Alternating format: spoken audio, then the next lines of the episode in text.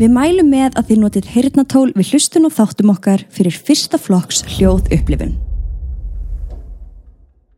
Komiði sæl. Ég heiti Katrín Og ég heiti Steppi. og í dag ætlum við að segja ykkur draugasögu. Hversu oft hefur þú gengið inn í hús og fundið á þér að það er eitthvað off? Eitthvað ekki alveg eins og það á að vera. Hugsanlega er þetta tilfinning sem þú finnur í maganum. Eða kannski finnst þér öndunarvegurinn þrengjast, loftið verður þungt og þú finnur fyrir kvíða. Til langa til þess að koma þér út og það sem fyrst. Það er svo merkilegt hvað við erum flest snögg að pikka upp orkur á heimilum fólks. Sumir sterkar en aðrir. En þetta er ekkert feimnismál. Þetta er alveg þekkt. Þið vitið öll um hvað ég er að tala. Við eigðum svo miklum tíma af okkar æfi inn á heimilum okkar. Og þessir veggir sem umkringi okkur verða vitni af öllu því sem við göngum í gegnum. Allar góðu stundirnar, allar slæmu stundirnar og allar prívatstundirnar líka. Þeir verða vitni af öllu og orkan frá okkur, orkan sem við erum búin til úr, litar allt heimilið. Svo flytjum við út einn daginn og næsta fjölskylda kemur inn og það áhugaverða er að þó að við séum farin og húsgögnin okkar séu farin þá eru samt ennþá leifar af okkur þarna inni sem nýju eigendunir geta fundið fyrir. Oftast nær þá hverfur hún síðan hægt og rólega og nýjar orkur þess að fólk sem fluttið þóngað inn kemur í staðinn.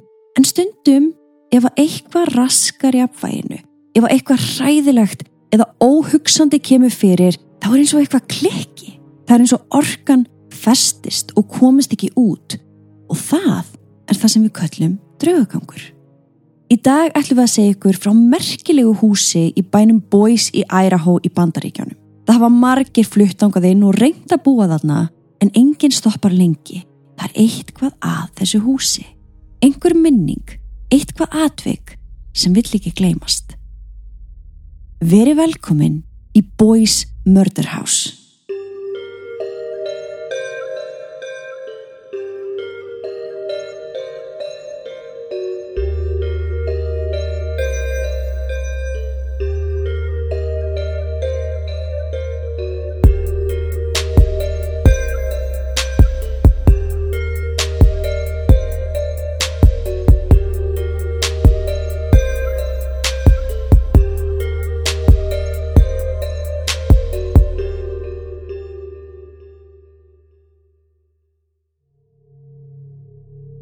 Við viljum minna á að draugasögurnar okkar eru ekki við hæfi barna nema með leifi fullorðina og með því hefjum við sögu dagsins.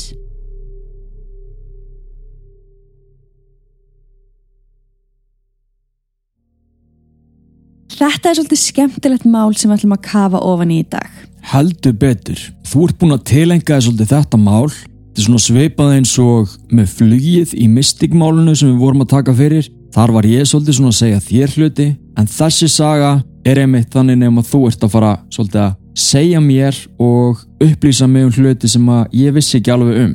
Já, þetta er svolítið þannig og þetta er mál sem að ég byrjaði að kafa ofan í fyrir löngu, löngu, löngu síðan og það er alveg tímabært að taka fyrir núna hér. En mér langar til þess að við byrjum á því að skoða húsið sem umræðir, bara skoða aðeins myndir og fá smá svona tilfinningu fyrir því. Fyrsta myndin sem þú sérð hérna er bara tekin af Google Maps. Já, þetta er svona loftmynd af þessu hverfi sem að húsið er í. Já, og húsið okkar er hér á uh, hotninu. Svo að þetta kemur kross og þetta er efst hægra megin. Já, við krossin. Við getum kannski mert þetta eitthvað. Já, En uh, þetta var nú svona aðalega bara til að sjá hvernig hverfið er. Við sjáum að þetta er alveg þjættbíli, það er hús ofan í næsta hús. Þetta er ekki, þú veist, middle of nowhere. næ, það er hraðbraut þarna rétt hjá er það ekki. Jú, svo er hraðbreyt þarna. Þannig að margir þurfa í raunin að keira fram hjá þessu húsi til þess að komast á hraðbrautina. Já. Og svo sjáum við húsið sjálft. Fyrsta myndin hérna, við sjáum svona framan á það og svo sjáum við hérna aftan á það. En senustu tvær myndirnar, við skulum merkit allt inn á Patreon. Já. Það eru myndir sem að ég tók bara screenshot af Google Earth. Þannig að þú sér það í dag að þá er skróðurinn svolítið búin að geta húsið. Já, svolítið, allavega hérna bakvið. mm En já, þetta er svona típist hús myndi maður svona hugsa um þegar maður sér fyrir sér eitthvað í bandaríkjónum. Já, Svolítið stórt og veiga mikið. Tröppur sem að leiða þá að verund og stendur á tveimur hæðum væntanlega, jafnvel meira og súlur sem að halda súðunum fyrir ofan verundun uppi. já. Og þetta er rosa svona, þetta er svolítið dögt, þetta er drungalegt, sko. En hver er sagan á bak við þetta dölafulla hús? Já, það er nefnilega það stefni. Maður að nafni James Howell, hann kaupir húsið árið 2000 og hann byrjar að leia það út og það varð vist mjög vinsælt hjá háskólanemum.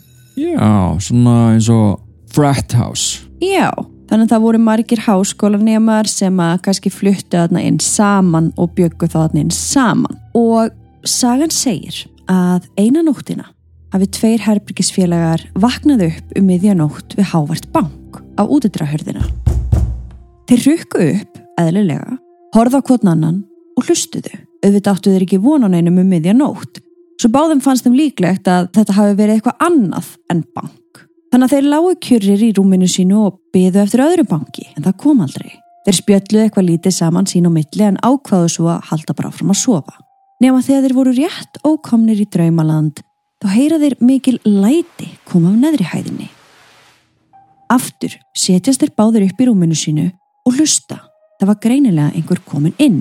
Það fór ekkert á milli mála að annarkvort var einn af strákonum vakandi í húsinu eða þá að hver sá sem hefði verið að banka væri nú komin inn. Ok, en við erum samt að tala um háskóla, dorm, room, Mm -hmm. þannig að það er kannski mikill gestagangur er það ekki? Jú, algjörlega. Kannski ekki um miðjanótt. Nei, kannski ekki og það eru örglega einhver svona útivistatími. Já, en samt alveg hugsanlega, þú veist, er þetta bara einn af strákonum Já, að koma heim. Þannig að þeir eru ekkert alltof stressaðir. Nei, nei. Strákarnir horfa á hvern annan án þess að segja orð og þeir taka sameiginlega ákvörðun um að aðtuga málið. Rólega opna þeir herbyggisörðina sína og enn heyra þeir læti niðri. Það var eins og einhver væri að draga eitthvað á eftir sér, eftir ganginum. Síðan heyra þeir hurð opnast. Þetta var hurðin í kjallara. Þeir vissu það af því að það var eina hurðin sem var ískraði í og síðan heyra þeir greinilega einhvern ganga niður kjallara tröppunnar. Strákarnir voru á annari hæð svo að þeir sá ekki hvað var að gerast. Þeir heyrðu það bara. En þeir líta í kringum sig til þess að aðtuga hvort að hurðin hjá einhverjum af hinum strákunum var í opin sem myndi þá þýða að þetta væri einhver af þeim en þær voru allar lokaðar. Þeir standa smá stund í stiganum og hlusta en eftir að hafa ekkert heyrt meira í nokkrar mínútur þá ákveða þeir að ganga niður og það fyrsta sem þeir sjá er að kjallara hurðin var gal opin og kaldur gustur kom upp. Þetta var óvinnilegt vegna þess að hurðin var vanalega alltaf lokuð. Þeir færiðu sér nær henni og rólega byrjaði þeir að ganga niður tröppurnar og niður í kjallara. En núna voru lætin hætt. Það var dauða þögn í húsinu. Þegar þeir voru komnir allaleg niður, sjá þeir engan. Það var engin þarna niðri.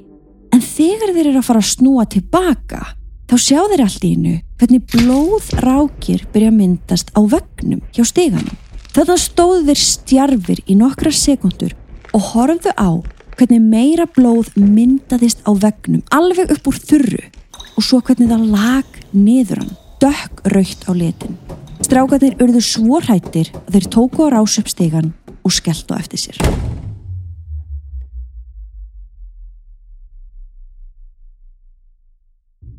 Þátturinn sem þú ert að hlusta á er gamall áskriftarþáttur. Draugasögur er podcast þar sem hefð yfirnáttúrulega lifna við og þar sem margtræðir verða veruleika. Við ferðumst með þig á skuggarlegustu staði heims og köfum djúft ofan í sögurinnar til þess að reyna að finna út af hverju draugagangurinn stafar og oftar en ekki flækjumst við inn í einhver glæpamál, morð, sveik eða bölvanir. En ekki halda við séum engungu að tala um drauga. Við höfum virkilega gaman á sögulegum staðrindum og skjálfestum heimildum. Í hverjum þætti spólum við tilbaka til fortíðar. Því eins og við segjum alltaf, það er nöðsilegt að þekkja söguna út og inn áður en maður fyrir að greina hvers konar reymleiki er þarna á sveimi. Erum við að fást við vitsmunalega anda, poltergeist, residual eða endurtekna orku? Og hvað þýðir þetta allt saman? Hvernig þekkjum við munin? Engar áhyggjur, við munum kenna þér. Við bjóðum upp á þrjár áskriftarleiðir inn á Patreon og inn á Spotify. Vinstælasta áskriftarleiðin okkar er draugasjögu kynnslóðin inn á Patreon. þar sem þú færið mínisögu á mánudögum og áskriftasögu í fullri lengd á miðugudögum. Þú far aðgangað viðtölum við frægustu nöfnin í paranormal heiminum og fær tækifæri á að koma með okkur í rannsóknir bæði innanlands og erlendis. Svo ef þú ert forvitur um drauga, þú hefur gaman að true crime og vilt mögulega bóka þér sögulegt draugahótel í næsta fríi. Eða ef þú hefur gaman að því að ferðast og skoða fræga staði með óhugulegri sögu, þá skaltu prófa áskriftin okkar. Það gæti komið þér á óvart og hafði í huga að allar sögur sem við segjum eru dagsannar. Farðin á patreon.com skástrygg draugasögur og prófaðu að hlusta frítt í sjö daga. Engin binding og þú far aðgang að yfir 500 þáttum strax við skráningu.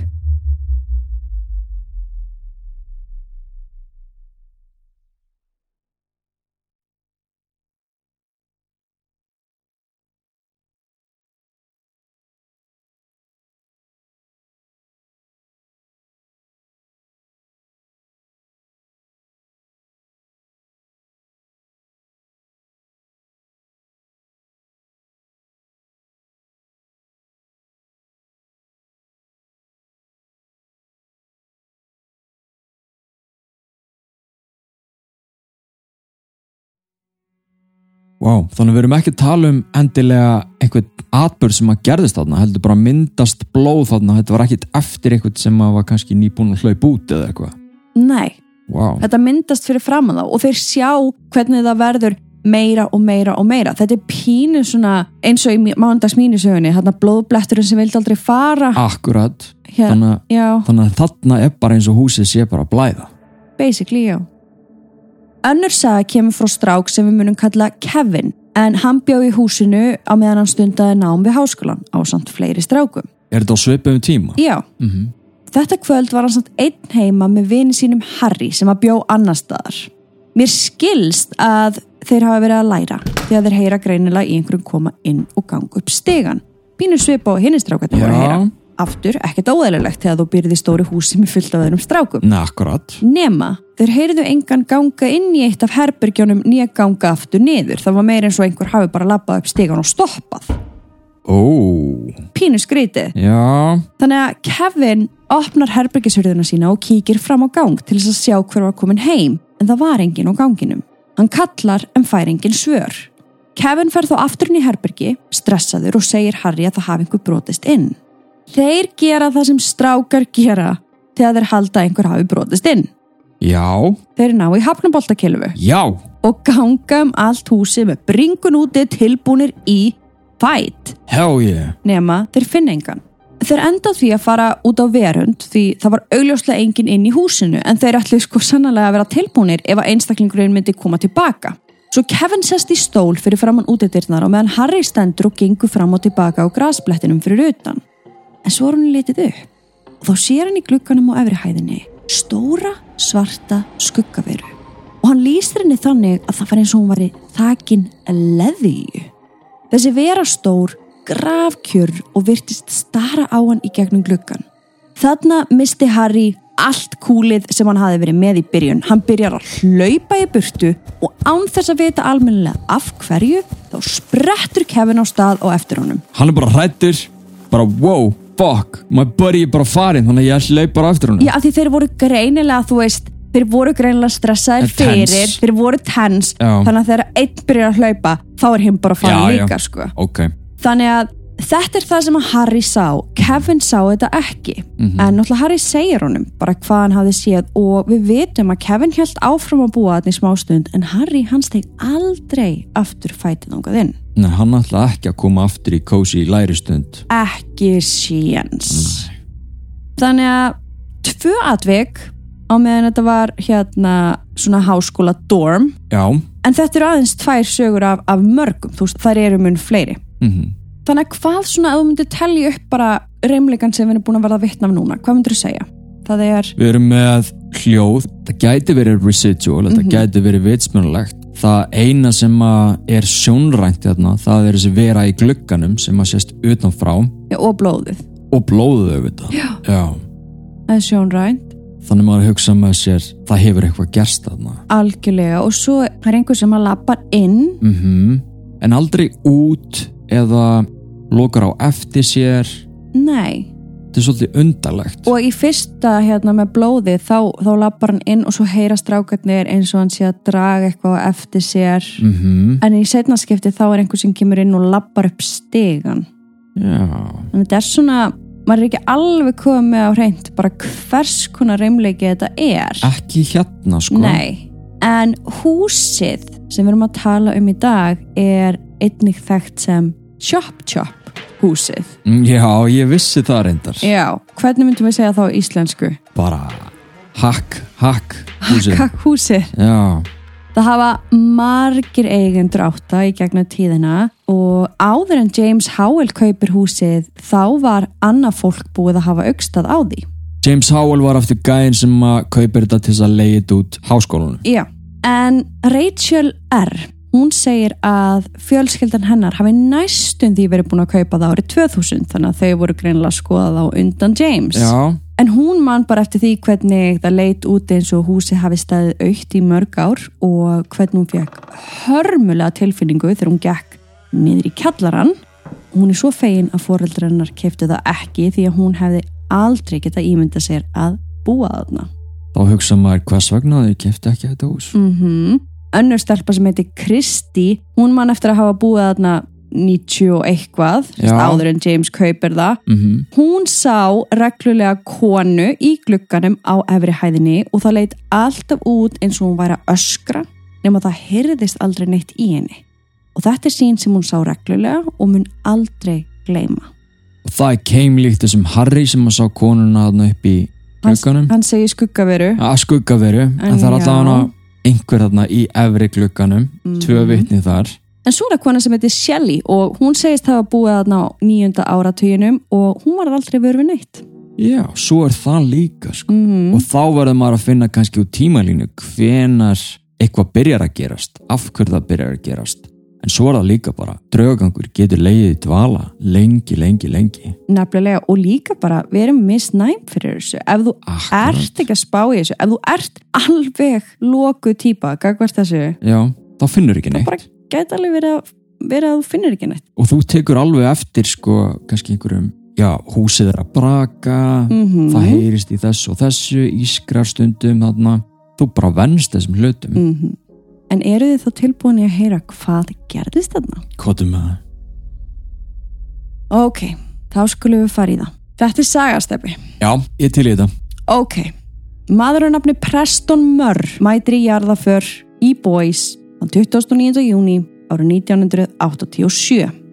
Setna sama dag dettur hann í það ásand nokkrum öðrum og það er staðfest að hann var orðin ansi ölvaður og byrjar að haga sér illa sem endaði á því að slagsmál brutust út á milli hans og tveggja aðra. Hérna erum við stödd á bar eða skemmtist það Já, við Já. erum hérna stödd bara á almannafæri og, Ok. og lögreglan mætir einmitt á staðinn, hérna braut upp þessi slagsmál og sektaði þá fyrir að vera með dólk Já, já, fyrir fram að fullta fólki. ok Setna sama kvöld berst lögreglunni símtal og það frá okkar manni Preston Murr. Já, Hann sagðist vera að ringja úr íbúð systur sinnar þar sem hann dvaldi á samt kærustunni sinni. En hann tjáir lauruglunni það að hann hafi fengið símtal þar sem hún var hótað lífláti. gerir lögreglan eitthvað í því? Bara svona þegiðu, þú veist Við vorum að tala við henni í bæ Þú varst fucking asshole Mögulega, Ok. mögulega. Næst eftir að hafa talað við laurugluna þá ringir hann í kunningja sinn Daniel Rodgers sem við munum kalla Rodgers í gegnum þennan þátt. Ok, Mörr byður hann um aðstof að reyna að finna út úr því hver stæði á bakvið þessa hótun. Það næsta sem við vitum er að Mörr fer í sjoppu, Sest frá sýstu sinni mhm í sjoppu þar sem hann hitti Rodgers og vin hans Daron Cox. Ok, Við vitum að það sást til hans í tíkalla síma þar sem hann var greinilega að tala við einhvern og í höndinni var hann með hafnaboltakilfu. það er hardcore símtal Hardcore símtal. Tíkalla síma með hafnabóllakilfu Já, Já, þú sér það, það er eitthvað að fara að gerast þarna. Hann Já. er búin að hitta vinina, félagana. það var einhver hringi mig Við ætlum að fara á tæklina gaur Já, óf. why, akkur ekki bara fara að sofa sko. allavega menninni þrýr fara síðan allir saman inn í bíl og þeir keira heim til systur Mörs. Aftur tilbaka? Aftur tilbaka. Þar stoppuðu þeir í stuttastund og rættu sín á milli um hver það gæti hafa verið sem að ringdi þetta símtal. Já, já, þeir eru reyðir já. Þeir yfirgefa síðan þá íbúð, fara afturinn í bíl og keira næst heim til Rogers en hann bjó í stóru húsi nr. 805 á Linden Street. Það er húsið sem við erum að fjalla um í dag. Rétt. Rogers fór inn og náði í byssuna sína. Og samkvæmt yfirlýsingum Rogers og Cox síðar þá vildi Mörr sína mönnunum íbúð. Ó, einhver staðar annar staðar í bænum. Einhvers þar annars staðar. Hann var vissum að í þessari íbúð væru stolnar byssur sko, byssur sem að voru í eigu Rogers en það var greinilega búið að stela þeim á einhverjum tíma. Ok. Ok, býtið þannig að hann Já. er að fá símtal. Já, og það er bara einhver að hóta að drepa hann. Hann Mhm. hringir í lögguna, þeir gerir ekki neitt þannig að hann fer og hittir þess að tvo gæja er að blóta einhverjum í tíkallasíma með hafnuboltakilu við vitum ekki hvernig hann er að hringi í. Nei, svo fara þær aftur heim til systur Mörs, Mhm. þar sem hann fekk símtalið. Svo fara þær út og fara heim til Rogers. Rogers í Linden Street. Já, og hann segir bara hei, ég veit um alla byssuna einar ef að fara að tjekka það þeir fara heim til Rogers, ná í byssu þar, mm -hmm. hann lappar aftur inn í bíl, hann Rogers, og þá er Mörr bara eitthvað, hei, ég veit um byssurnar sem að var stólið að þér, kom á rúndin og ég ætla, ég ætla að sína þér hvar þar eru. ok, akkur ekki lungu búin að segja það? Af því að þú heyrir alveg, þetta er bara svona fyllir í spull, já, þetta er bara kaos. Þetta er bara kaos, þeir eru bara hæpaðir upp, já, já, að fara í eitthvað, veit ekki alveg hvað þeir eru að gera og mörg bara eitthvað, hei, ég ætla að fara að sína ykkur íbúð, þú veist, hvað ætluðu þeir að gera, ég veit það ekki. ok, en hvað gerist næst? Þeir byrja bara að keira um og mörg ringir í kærustuna sína sem var hjá systur hans og, og lætur hann að vita hvað þeir væri að gera. já, Nema eftir þennan rúnt að leita þessari íbúð með þessum byssum, mhm, það gerðist ekkert, skilur nei, nei, Þessi, ég veit ekkert hvort þessi íbúð hafi bara yfir höfu verið til. akkurat Þannig að þeir snúa tilbaka heim til Rogers í húsið okkar og þar fara þeir allir inn. Nema í kringum miðnætti brötist út átök. Á milli þessara þryggja Já, og Mörr var skotin í öxlina.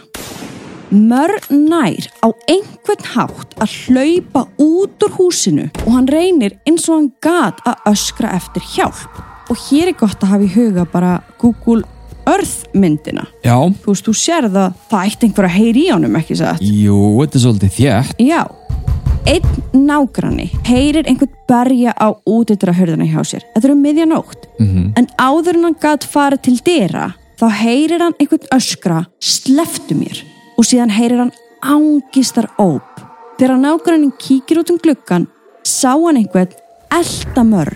Á endanum ná menninni mörr og þeir draga hann tilbaka inn í húsið þar sem hann var skotin til bana í kjallara húsins beint í höfuð. Wow Mm Dregin inn, mhm, fara aftur inn. akkurat hljóðin sem við erum að heyra í byrjun Jáp. Á svipuðum tíma og það er að gerast þá ringir nágrannin í lögregluna bara til þess að láta vita hvað hann hafði orðið vitni af. já, En hann hafði líka séð að útidra hörðin hans var allir í blóði. wow Mm Og við erum með mynd af því.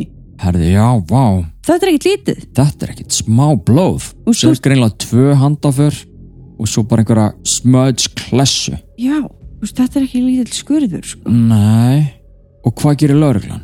sko, hann ringir náttúrulega bara í laurugluna Já. lauruglan segir til að koma nema nágranninn, hann lítur aftur út um gluggan og þá sér hann tvo menn fyrir utan hús nr. 805 og þeir voru greinilega eitthvað að vesenast utan dýra hann sá einn er að vera með garðslöngu á meðan annar gekkum með vasaljós eins og hann var að leita einhverju. Ok, skrítið. Já, nágranninn fylgdist grant með ferðu mannana alveg vissum að lauruglan myndi koma hvað og hverju en hún kom aldrei. Hæ, svo endanum fór nágranninn bara að sofa. Býtu af hverju er lauruglan ekkit að sinna sínum skildum hérna? engin veit. What? Einmitt, þannig að þessi nágranni ætlaði bara að vera með þetta allt á hreinu, þú veist, gerir allt rétt og með þess að heldur áfram að fylgjast með bara til þess að geta punta niður hvað hann er að sjá. Já, ég menna það er blóð á hörðina sem menna, come on, komið þið já, það kemur engin Við hjónin höldum út í podcastinu Sannar íslenskar draugasögur. Það er framleitt af Ghost Network svo mögulega gætið þú haft gaman að því. Þar segjum við ykkur sannar íslenskar draugasögur sem við fáum sendar frá óskup venjulegu fólki úr þjóðfélaginu. En allt þetta fólk á það þó sameigilegt að hafa lent í einhverju yfirnáttúrulegu. Þættirnir eru settið þannig upp að við segjum ykkur sögurnar í fyrstu personu eins og þær eru skrifaðar og síðan tökum við spjall eftir hverja og eina þar sem við greinum söguna, segjum okkar álit og gefum ráð sé óskað eftir því. Þetta eru alvöru íslenskar draugasögur sem eru alls ekki fyrir viðkvama. Þú finnur 24 fría þætti á öllum hlaðarsveitum og fyrir þá sem að þóra og hafa áhuga á, þá bjóðum við upp á áskriftarleið á patreon.com skástrygg sannar íslenskar. Ef þú átt sögu sem þú vilt deila með okkur, endilega senda okkur hana á sannar.draugasögur.com Lík mörr hafi verið skorið í sundur með öksi og hnífum í kjallarahúsins og síðan sett í plastpoka. Pókonum var síðan komið fyrir í skottinu og bíl sem var í eigu eiginkonu Rodgers. Snemma morguns þann 30. júni kyrði Rodgers og Cox að fylgismörkum Idaho og Oregon. Þar henduður líkamsleifunum ofan í vatn þarna skamt frá. Pókarnir og hanskarnir sem þeir notuði í verkið og allur klæðinaður hendu þeir í ruslagám bak við matveruverslun. Þannig að hérna er svolítið vitað að það eru bara tveir sem eru, já, sem komið til greina. Mm En ég meina líkið er hvergi. Er einhver að lýsa eftir honum? Ekki, þetta er strax að gera stæðin eftir. Þú veist, þetta er engin tími. Nei, nei, nei.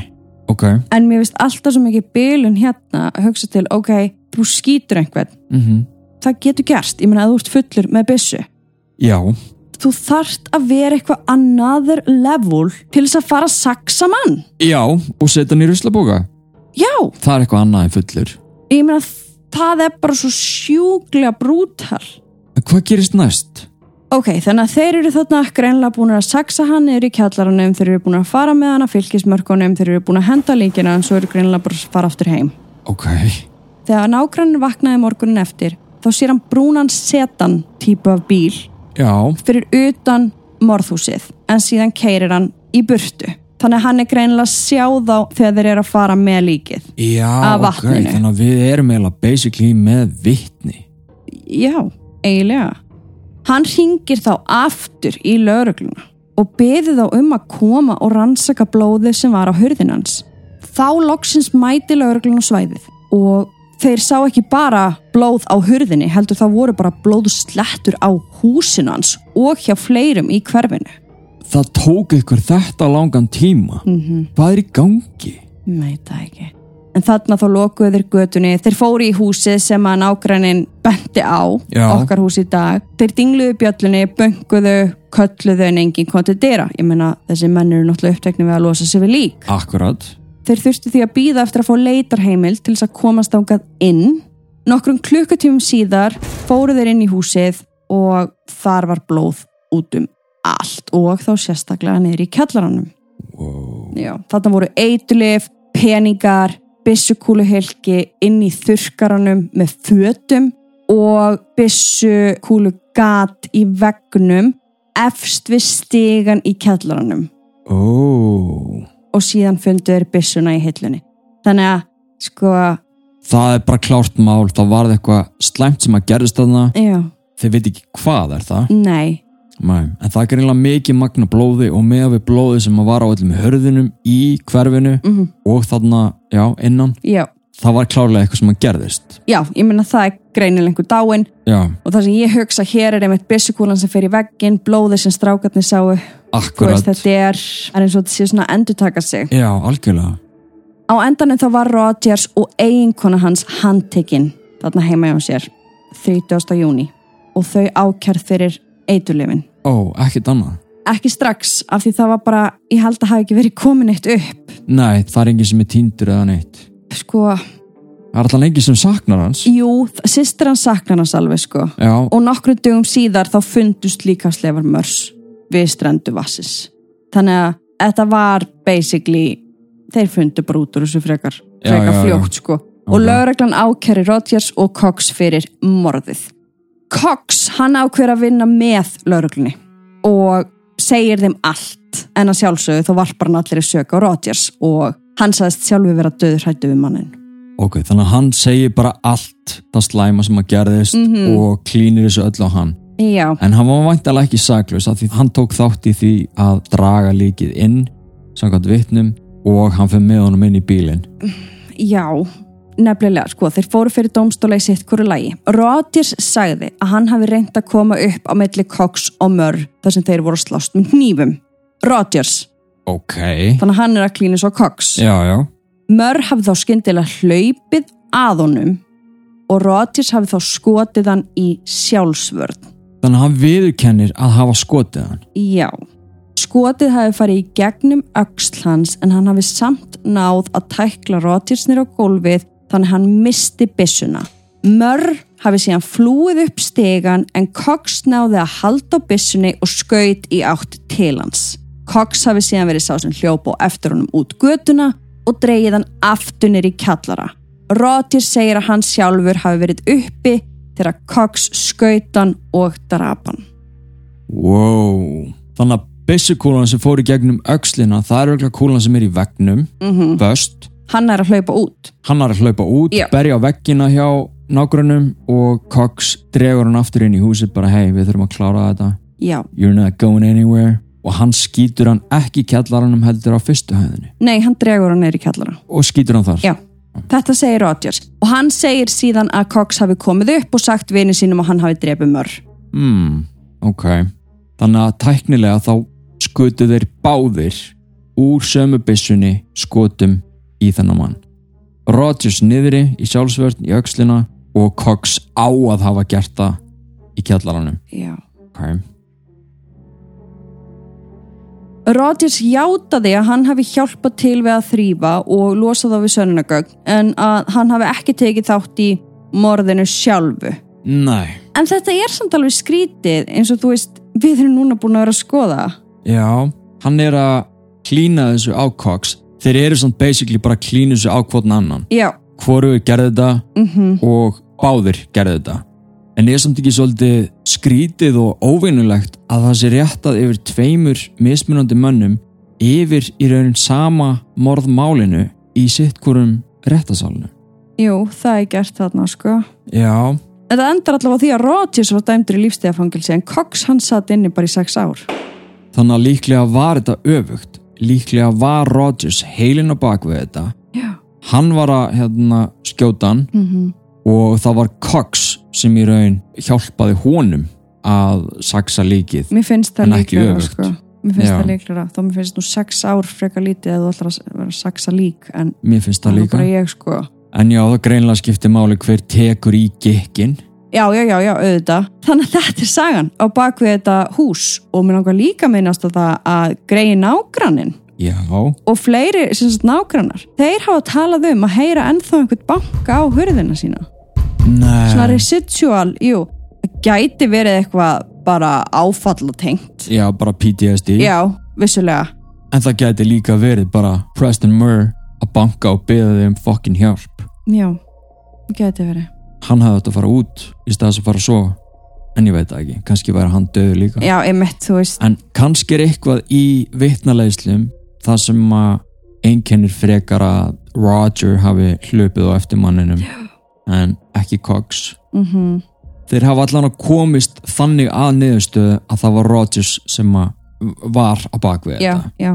Þannig að þetta er að gerast þarna 87 já, og allir hinnir atbyrðinir sem við tölum um í byrjun. Það er 90 og eftir 2000 já.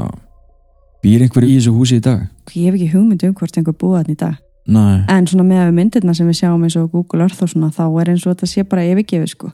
Og, og líka bara það er rosa mikið á svona litlum vittnisspörðum já, sem maður getur fundið hér og þar þar sem fólk er að segja bara svona litla hluti. Já ég bjóð þarna í sex mánu, það var hræðilegt. Já, já, já. já ég bjóð þarna í ár. En svo eru þeir sem segja bara ég fann ekki neitt. Nei, nei, eins og er svo oft um svona drauga hús. Mm -hmm. sem eru upplifa ekki neitt. Mm og það er ekkit endilega því að, að það sé ekki draugagangu til staðar. Kannski leggur hann bara í dvala.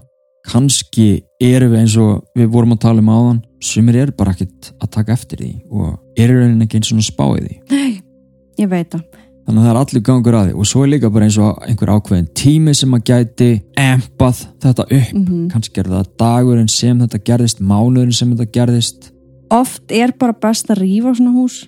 Já, sko þá er ég að tala um finnst fólki. Finnst að Mhm. þetta minnir mann pínu bara á Idaho 4 já. sem er að gerast núna. Þú veist þá að rífa það hús bara minningin er svo svört. Já. allir sem að labba þarna og keira framhjá eru bara þarnir húsið. Akkurat og þetta var alveg bara eitt viðbjóslegasta og ógulegasta morð sem var framið í þessum bæ. Ég meina hann er settur þarna í 13 ruslapoka einn maður. Oh, ég, veist, ég skil af hverju þú vilt ekki búa þarna eða svona hinn almenni, já, almenni borgari. Við myndum alveg vilja búa þarna. Já, já, það er rétt.